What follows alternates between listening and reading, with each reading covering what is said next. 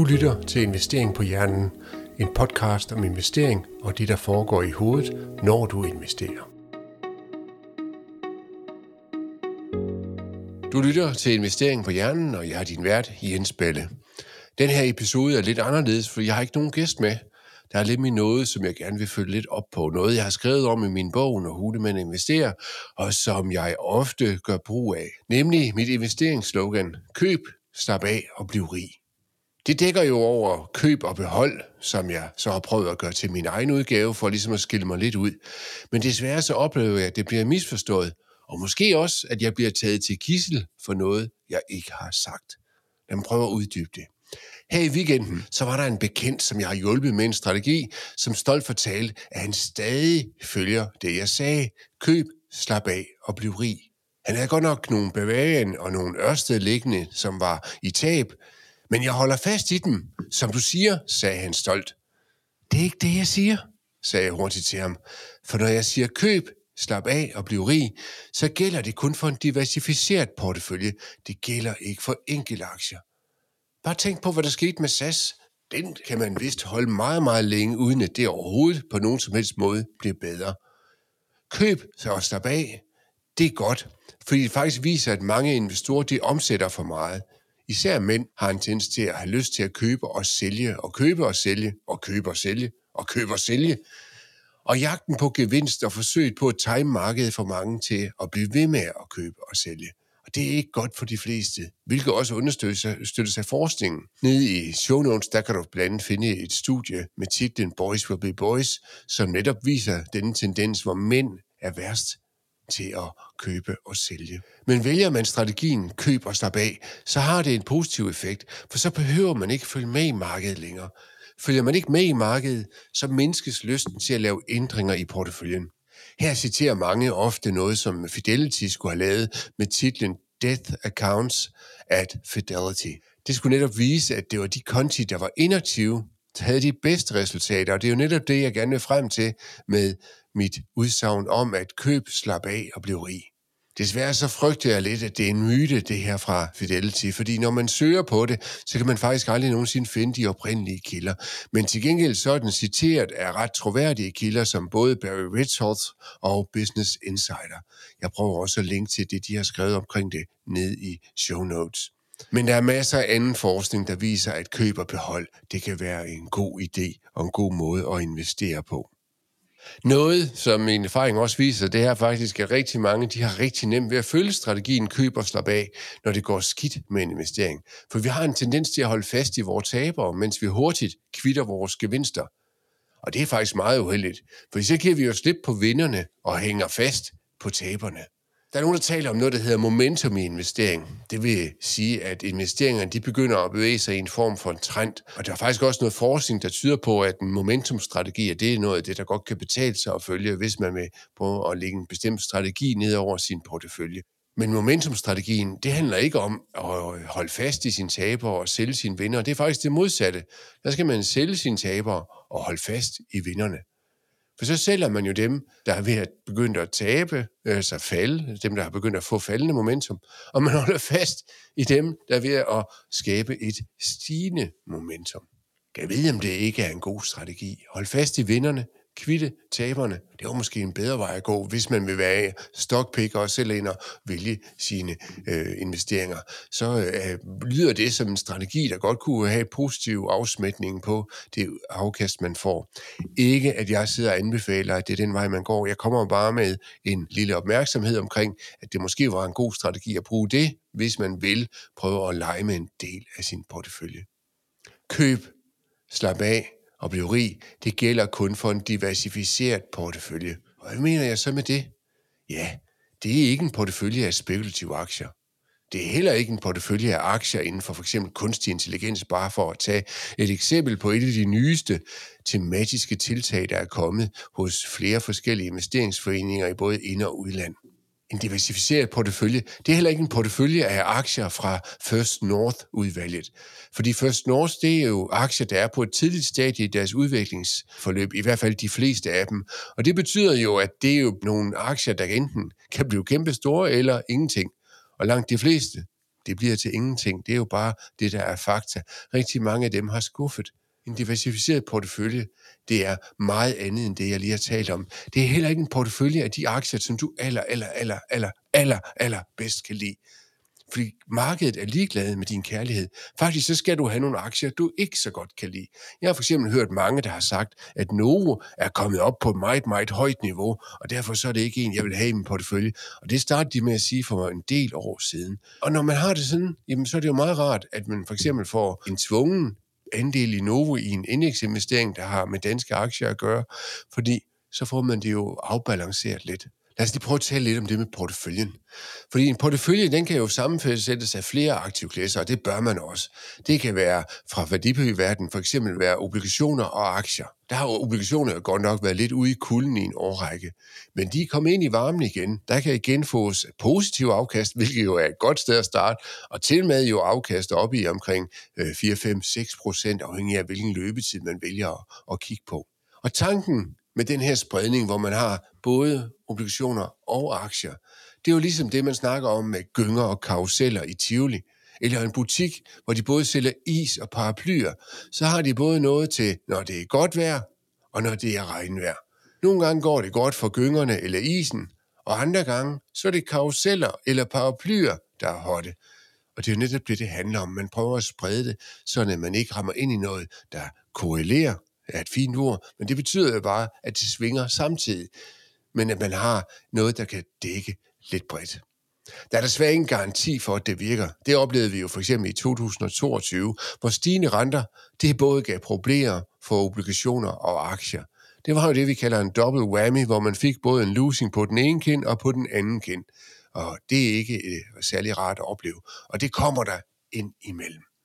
Men tankegangen med at have flere aktivklasser, det er jo netop det her med, at man spreder sig, sådan at, at man afdækker, hvis det nu går rigtig dårligt for en aktiv klasse, en øh, sektor i et år, jamen så har man også andet.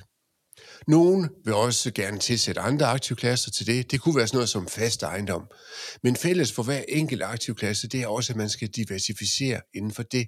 Altså investere i en portefølje for at sprede risikoen. Det er ikke nok at købe én obligation inden for obligationer. Det er ikke nok at købe én aktie inden for aktier. Det er ikke nok at købe én ejendom, hvis du vil investere i fast ejendom. Du skal have en portefølje. For nemheds skyld vil jeg lige prøve at tale lidt mere om en af aktivklasserne, men de ting, jeg siger, det kan også godt oversættes til andre aktivklasser. For selvom jeg taler om aktier, jamen så gælder det samme for obligationer, hvor man også kan vælge at sprede sig på forskellige typer obligationer. Det kan fx være realkreditobligationer, det kan være virksomhedsobligationer eller statsobligationer. Og inden for hver af dem, jamen så findes der jo nogle forskellige udbydere af realkreditobligationer, nogle forskellige øh, virksomheder, der udsteder obligationer, eller nogle forskellige stater, der udsteder obligationer. Hvis du bare kigger på staterne, jamen så har det jo vidt forskellig af betydning for dit afkast og din risiko, om du vælger en obligation udstedt af USA eller Danmark, eller om du vælger en, der er udstedt af et emerging market. Og så er der alt muligt ind imellem der. Inden for fast ejendom, jamen så findes der jo både bolig og erhverv, og så selvfølgelig også nogen, der mixer de to, og de har forskellige afkast og forskellige risici. Man kan også købe en ejendom, der ligger i det, man i gamle dage kaldte for udkants Danmark, det tror jeg ikke, man kalder det så meget længere, eller inde midt i København der er forskel på afkast og risici. Det er nemmere at lege noget ud i København, og derfor skal får man et lavere afkast, end det er at lege noget ud et andet sted i Danmark måske. Du lytter til Investering på Hjernen. Find alle de gamle episoder i din favorit podcast afspiller, eller se mere på investeringpohjernen.dk. Men lad os prøve at fokusere lidt på aktieinvesteringer. Fordi for at køb der bag at blive rig, det skal virke for dine aktieinvesteringer. Ja, så skal du sprede dine investeringer på selskaber, på brancher og også helst geografisk. Der er mange, der har overvægt af danske aktier herhjemme. I Tyskland så er der mange, der har overvægt af tyske aktier. I Frankrig er der sikkert mange, der har overvægt af franske aktier. Og sådan kunne jeg blive ved, indtil jeg har gennemgået alle øh, lande med aktiemarkeder. Men selvom danske aktier er aktive i udlandet, så er det ikke det samme som at investere i udenlandske aktier, når man køber nogle af de danske aktier, der er meget aktive i udlandet. Altså Novo har kun en lille del af sit marked i Danmark. Resten er jo i resten af verden, og derfor så bliver Novo jo også påvirket af, hvordan det går økonomisk i andre lande. Men der er selvfølgelig aktier, der bliver mere påvirket af, hvordan det går i USA for eksempel, end Novo gør, fordi Novo jo også sælger i andre lande. Der er jo nogle amerikanske aktier, der fokuseret på det amerikanske marked, og derfor påvirkes mere af det. Og derfor kan det være en god idé at sprede sig også geografisk. Du skal også investere i virksomheder, der faktisk har produkter og indtjening. Ikke bare i virksomheder, der har en god idé. Der er mange, der er tilbøjelige til at kigge på det her med den nye ting, der er kommet frem, eller på nye aktier, der bare har en drøm om at komme til at lykkes med et eller andet. Men det bliver jo altså noget, som er et håb, i stedet for noget, der faktisk har en effekt. Og hvis man skal investere i sådan noget, så kunne man måske gøre det, at man allokerer en andel af sin portefølje til at investere i sådan nogle spekulative ting, sådan at man har en, en lille lejeportefølje. Dengang jeg var rådgiver, så spurgte jeg nogle gange mine kunder, jamen prøv at høre, leder du efter en ny hobby, eller en god investering. Det er ikke altid, de to ting hænger sammen. Og det, ved, det er de fleste faktisk lidt efter. Det var en god investering. Og så lavede vi nogle gange det, at de havde en god basisinvestering. Det kunne man kalde for kernen. Og så havde de en lille del, det kunne man kalde for satellitten, hvor de selv var inde og prøve at vælge imellem nogle aktier, eller komme med på nogle af de idéer, de synes var spændende. Men på de spekulative investeringer, der virker køb og slap af ikke. Fordi du kan holde fast i en dårlig investering lige så længe du vil. Det gør ikke, at den på et tidspunkt kommer til at være en god investering. Sådan fungerer det ikke. Den her spredning, som jeg snakker om, den gør også rigtig meget godt for din investering. Fordi den er med til at reducere risikoen. Den er med til at eliminere i hvert fald når det virker, markedsudsving, der kan være i markederne, fordi man jo har både gynger og karuseller, så der er interesse for andre ting. Men hvis aktiemarkedet generelt det falder, jamen så er det ikke sikkert, at det er godt, det hjælper imod de udsving, der kommer fra det, ved at have spredt sig, fordi at det er markedet generelt, der falder. Det er svært at eliminere det. Det er jo derfor, man så skal måske have obligationer eller fast ejendom i sin portefølje også. Og hvis man husker at lave det her rebalancering, altså hvor man er ude og prøver at flytte rundt fra de forskellige øh, aktivklasser, man er placeret i, en gang om året, eller hvor tit man nu vælger at gøre det, jamen så optimerer det faktisk også afkastet og minimerer risikoen. Og det er jo noget, vi rigtig godt kan lide inden for investering. Det er, når vi både får et højere afkast og har lavere risiko. Så når jeg siger, køb Stop af og blive rig, så er det altså ikke på en portefølje af spekulative aktier. Det er ikke på en enkelt aktie, som man har købt, som nu er gået i skæv, og så lader man den bare ligge hen i glemmekassen og håber på, at den bliver god igen.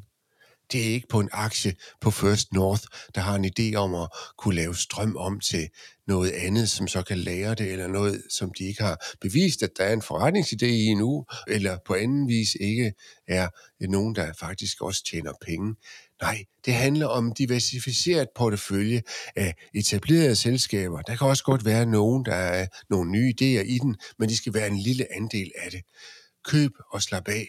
Det gælder kun, når man spreder sig. Og det er også derfor, at jeg rigtig godt kan lide fonde. Og det er jo nok ikke noget, der overrasker faste lyttere, at jeg godt kan lide fonde, fordi det har jeg snakket om i rigtig, rigtig mange år. Jeg sammenligner det ofte med Lego-klodser, som jo også findes i mange forskellige udgaver. Og Lego-klodserne, det kan man også sætte sammen på mange forskellige måder. Og på den måde, så kan jeg jo lave den portefølje, der passer mig rigtig nemt.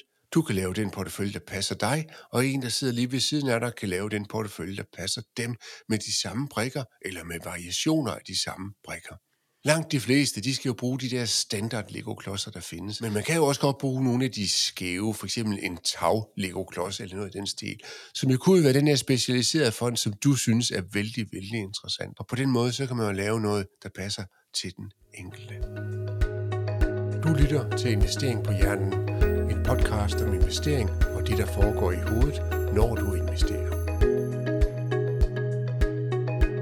Køb, slap af og bliv rig det er en rigtig god måde at investere på, fordi det gør også noget andet for dig. Og det er jo, at hvis du har lavet den her gode, spredte portefølje, der bare lige så stille ligger og bliver passet, så behøver du ikke ind og kigge i dit depot. Og når du ikke behøver ind og kigge i dit depot, så får du ikke nødvendigvis den samme lyst til at omsætte. Det er i hvert fald masser af forskning, der bakker det op. Og det der med at få lyst til at omsætte, det gør altså bare meget sjældent noget godt for dit afkast, fordi det koster hver gang. Selvom du bruger en online broker, der ikke skal have ret meget for det, så er der jo stadigvæk kortage, der kan være valutaveksling, der kan være spreadet i markedet. Alt sammen er noget, der kommer til at koste dig penge, og derfor fjerner penge for dit afkast. Det undgår du, hvis du har køb og slap af. En anden ting, mange de misforstår, det er jo det her med en passiv portefølje. Fordi nu har jeg godt nok talt om Fidelity's døde øh, konti, eller death accounts, som jo dækkede over, at de fik gode afkast ved at have glemt deres portefølje og ikke kigge på den. Men det betinger jo, at det ikke er undskyld udtrykket, lort, man har lagt ind i sin portefølje. Fordi hvis det er lort, man har lagt ind i sin portefølje, så bliver det altså ikke til guld, ved at man bare læner sig tilbage og venter på, at det bliver godt. Så køb og slap af. Det gælder altså også kun, hvis du har lavet en god sammensætning af din portefølje. Og øh, det er jo selvfølgelig lidt en sjov ting at sige, fordi en god sammensætning, hvordan vurderer man det? Men det er jo det, jeg lige har prøvet på at sige. Det her med at sprede sig på nogle aktiver, som har vist, at de kan give afkast, og som har vist, at de har et bæredygtigt, ikke nødvendigvis i den klimasammenhæng, men en, et, et rentabelt produkt, som folk har bevist, at de godt vil købe. Men som det jo kendes fra SAS og tidligere fra for eksempel Kodak, så kan der jo godt ske det for en aktie, at den havde et godt produkt, men tiden er løbet fra det. Og det er jo derfor, at jeg igen taler for, at fonde kan være en god hjælper for dig. Fordi i fonde, der sker der jo det, at de følger ofte et indeks på den ene eller den anden måde, især dem, der er passive. Og de her fonde, der er passive, deres indeks, det ændrer sig af og til over tid. De aktier, der var indeks som Dow Jones i 80'erne, det er ikke de samme som dem, der er i Dow Jones i dag. Og det er jo fordi, at vores samfund det ændrer sig over tid. Så i Dow Jones-indekset, der er der flere tech-aktier i i dag, end der var i 80'erne. Det kom til over tid. I 80'erne, der var tech-aktier næsten den type aktier, der er på First North i dag måske, og derfor var de ikke i de etablerede indeks, de var i Nasdaq-indekset eksempelvis i stedet for. Og på den måde, så er passiv investering ved hjælp af indeksinvestering jo faktisk ikke helt passiv, som når vi tænker det med det, som vi taler om med Fidelity's døde konti. Så det handler øh, også om, at man stadigvæk er nødt til at overvåge og lave nogle løbende tilpasninger, men det kan fondene gøre for dig. Så køb, slap af og bliv rig. Det er en god måde at investere på, men det gælder ikke, hvis du har investeret i enkelte aktier, hvis du ikke har investeret i en diversificeret portefølje. Det gælder heller ikke, hvis du har købt nogle aktier, og de er gået i tab, og der kan være, at der er en god grund til, at de er gået i tab, fordi der er noget i vej med deres produkt, eller fordi det bare var spekulativt, og noget, der aldrig kom til at virke, eller på anden vis. Og så hjælper det altså ikke at lægge det hen i et hjørne, og så vente på, at tiden går, og gør det godt igen. For det er ikke sikkert, det kommer til at ske. Det du heller ikke for en portefølje, som du er helt vild med, fordi du er en nørd inden for et bestemt område, og derfor bare ved, at det her koncept, det vil bare komme til at ændre hele verden. Fordi måske gør det ikke det. Og det er jo også sådan, at hver gang der kommer et nyt koncept frem, for eksempel så er der mange, der taler om kunstig intelligens, og det skyder jo frem med selskaber, der siger, at de ved noget om, hvordan man skal bruge kunstig intelligens. Det samme det så man dengang, at bilen kom frem. Fordi der var der jo over 1800, har jeg læst et sted, selskaber i, bare i USA, der arbejdede på at udvikle bilen. Det var ikke alle dem, der overlevede. Det var ikke alle dem, der kom frem til at få en markedsandel. Og derfor så kan det være rigtig svært at investere i det nyeste nye. Og derfor gælder køb, der bag at blive rig, heller ikke for den slags investeringer. Køb, der bag at blive rig, det kan kun anvendes på en diversificeret portefølje. For spredning er redning også for den langsigtede investor. Næste episode, der dykker jeg faktisk ned i lidt omkring indeksfonde. Der taler jeg med en af de danske fonde, der laver indeksfonde, nemlig Spar Index. Og der kan vi prøve at høre lidt mere om, hvorfor at, at de synes, at indeksfonde kan være interessant at investere i. Og jeg stiller også nogle frække spørgsmål til dem omkring omkostninger og sådan nogle ting. Det var en kort episode i dag. Jeg havde bare brug for at lige at vende, køb, slap af og blive rig, og jeg håber, at du kunne bruge min inputs til noget. Køb, slap det er ikke redning for en faldende portefølje, det er redningen for en god diversificeret portefølje. Husk på det. Tak for i dag, tak fordi du lyttede med. Jeg elsker mine lyttere. Du har lyttet til Investeringen på Hjernen med Jens Balle. Har du idéer til emner eller gæster, du gerne vil høre mere om, kan du sende en mail til info eller sende en besked fra hjemmesiden investeringpåhjernen.dk thank you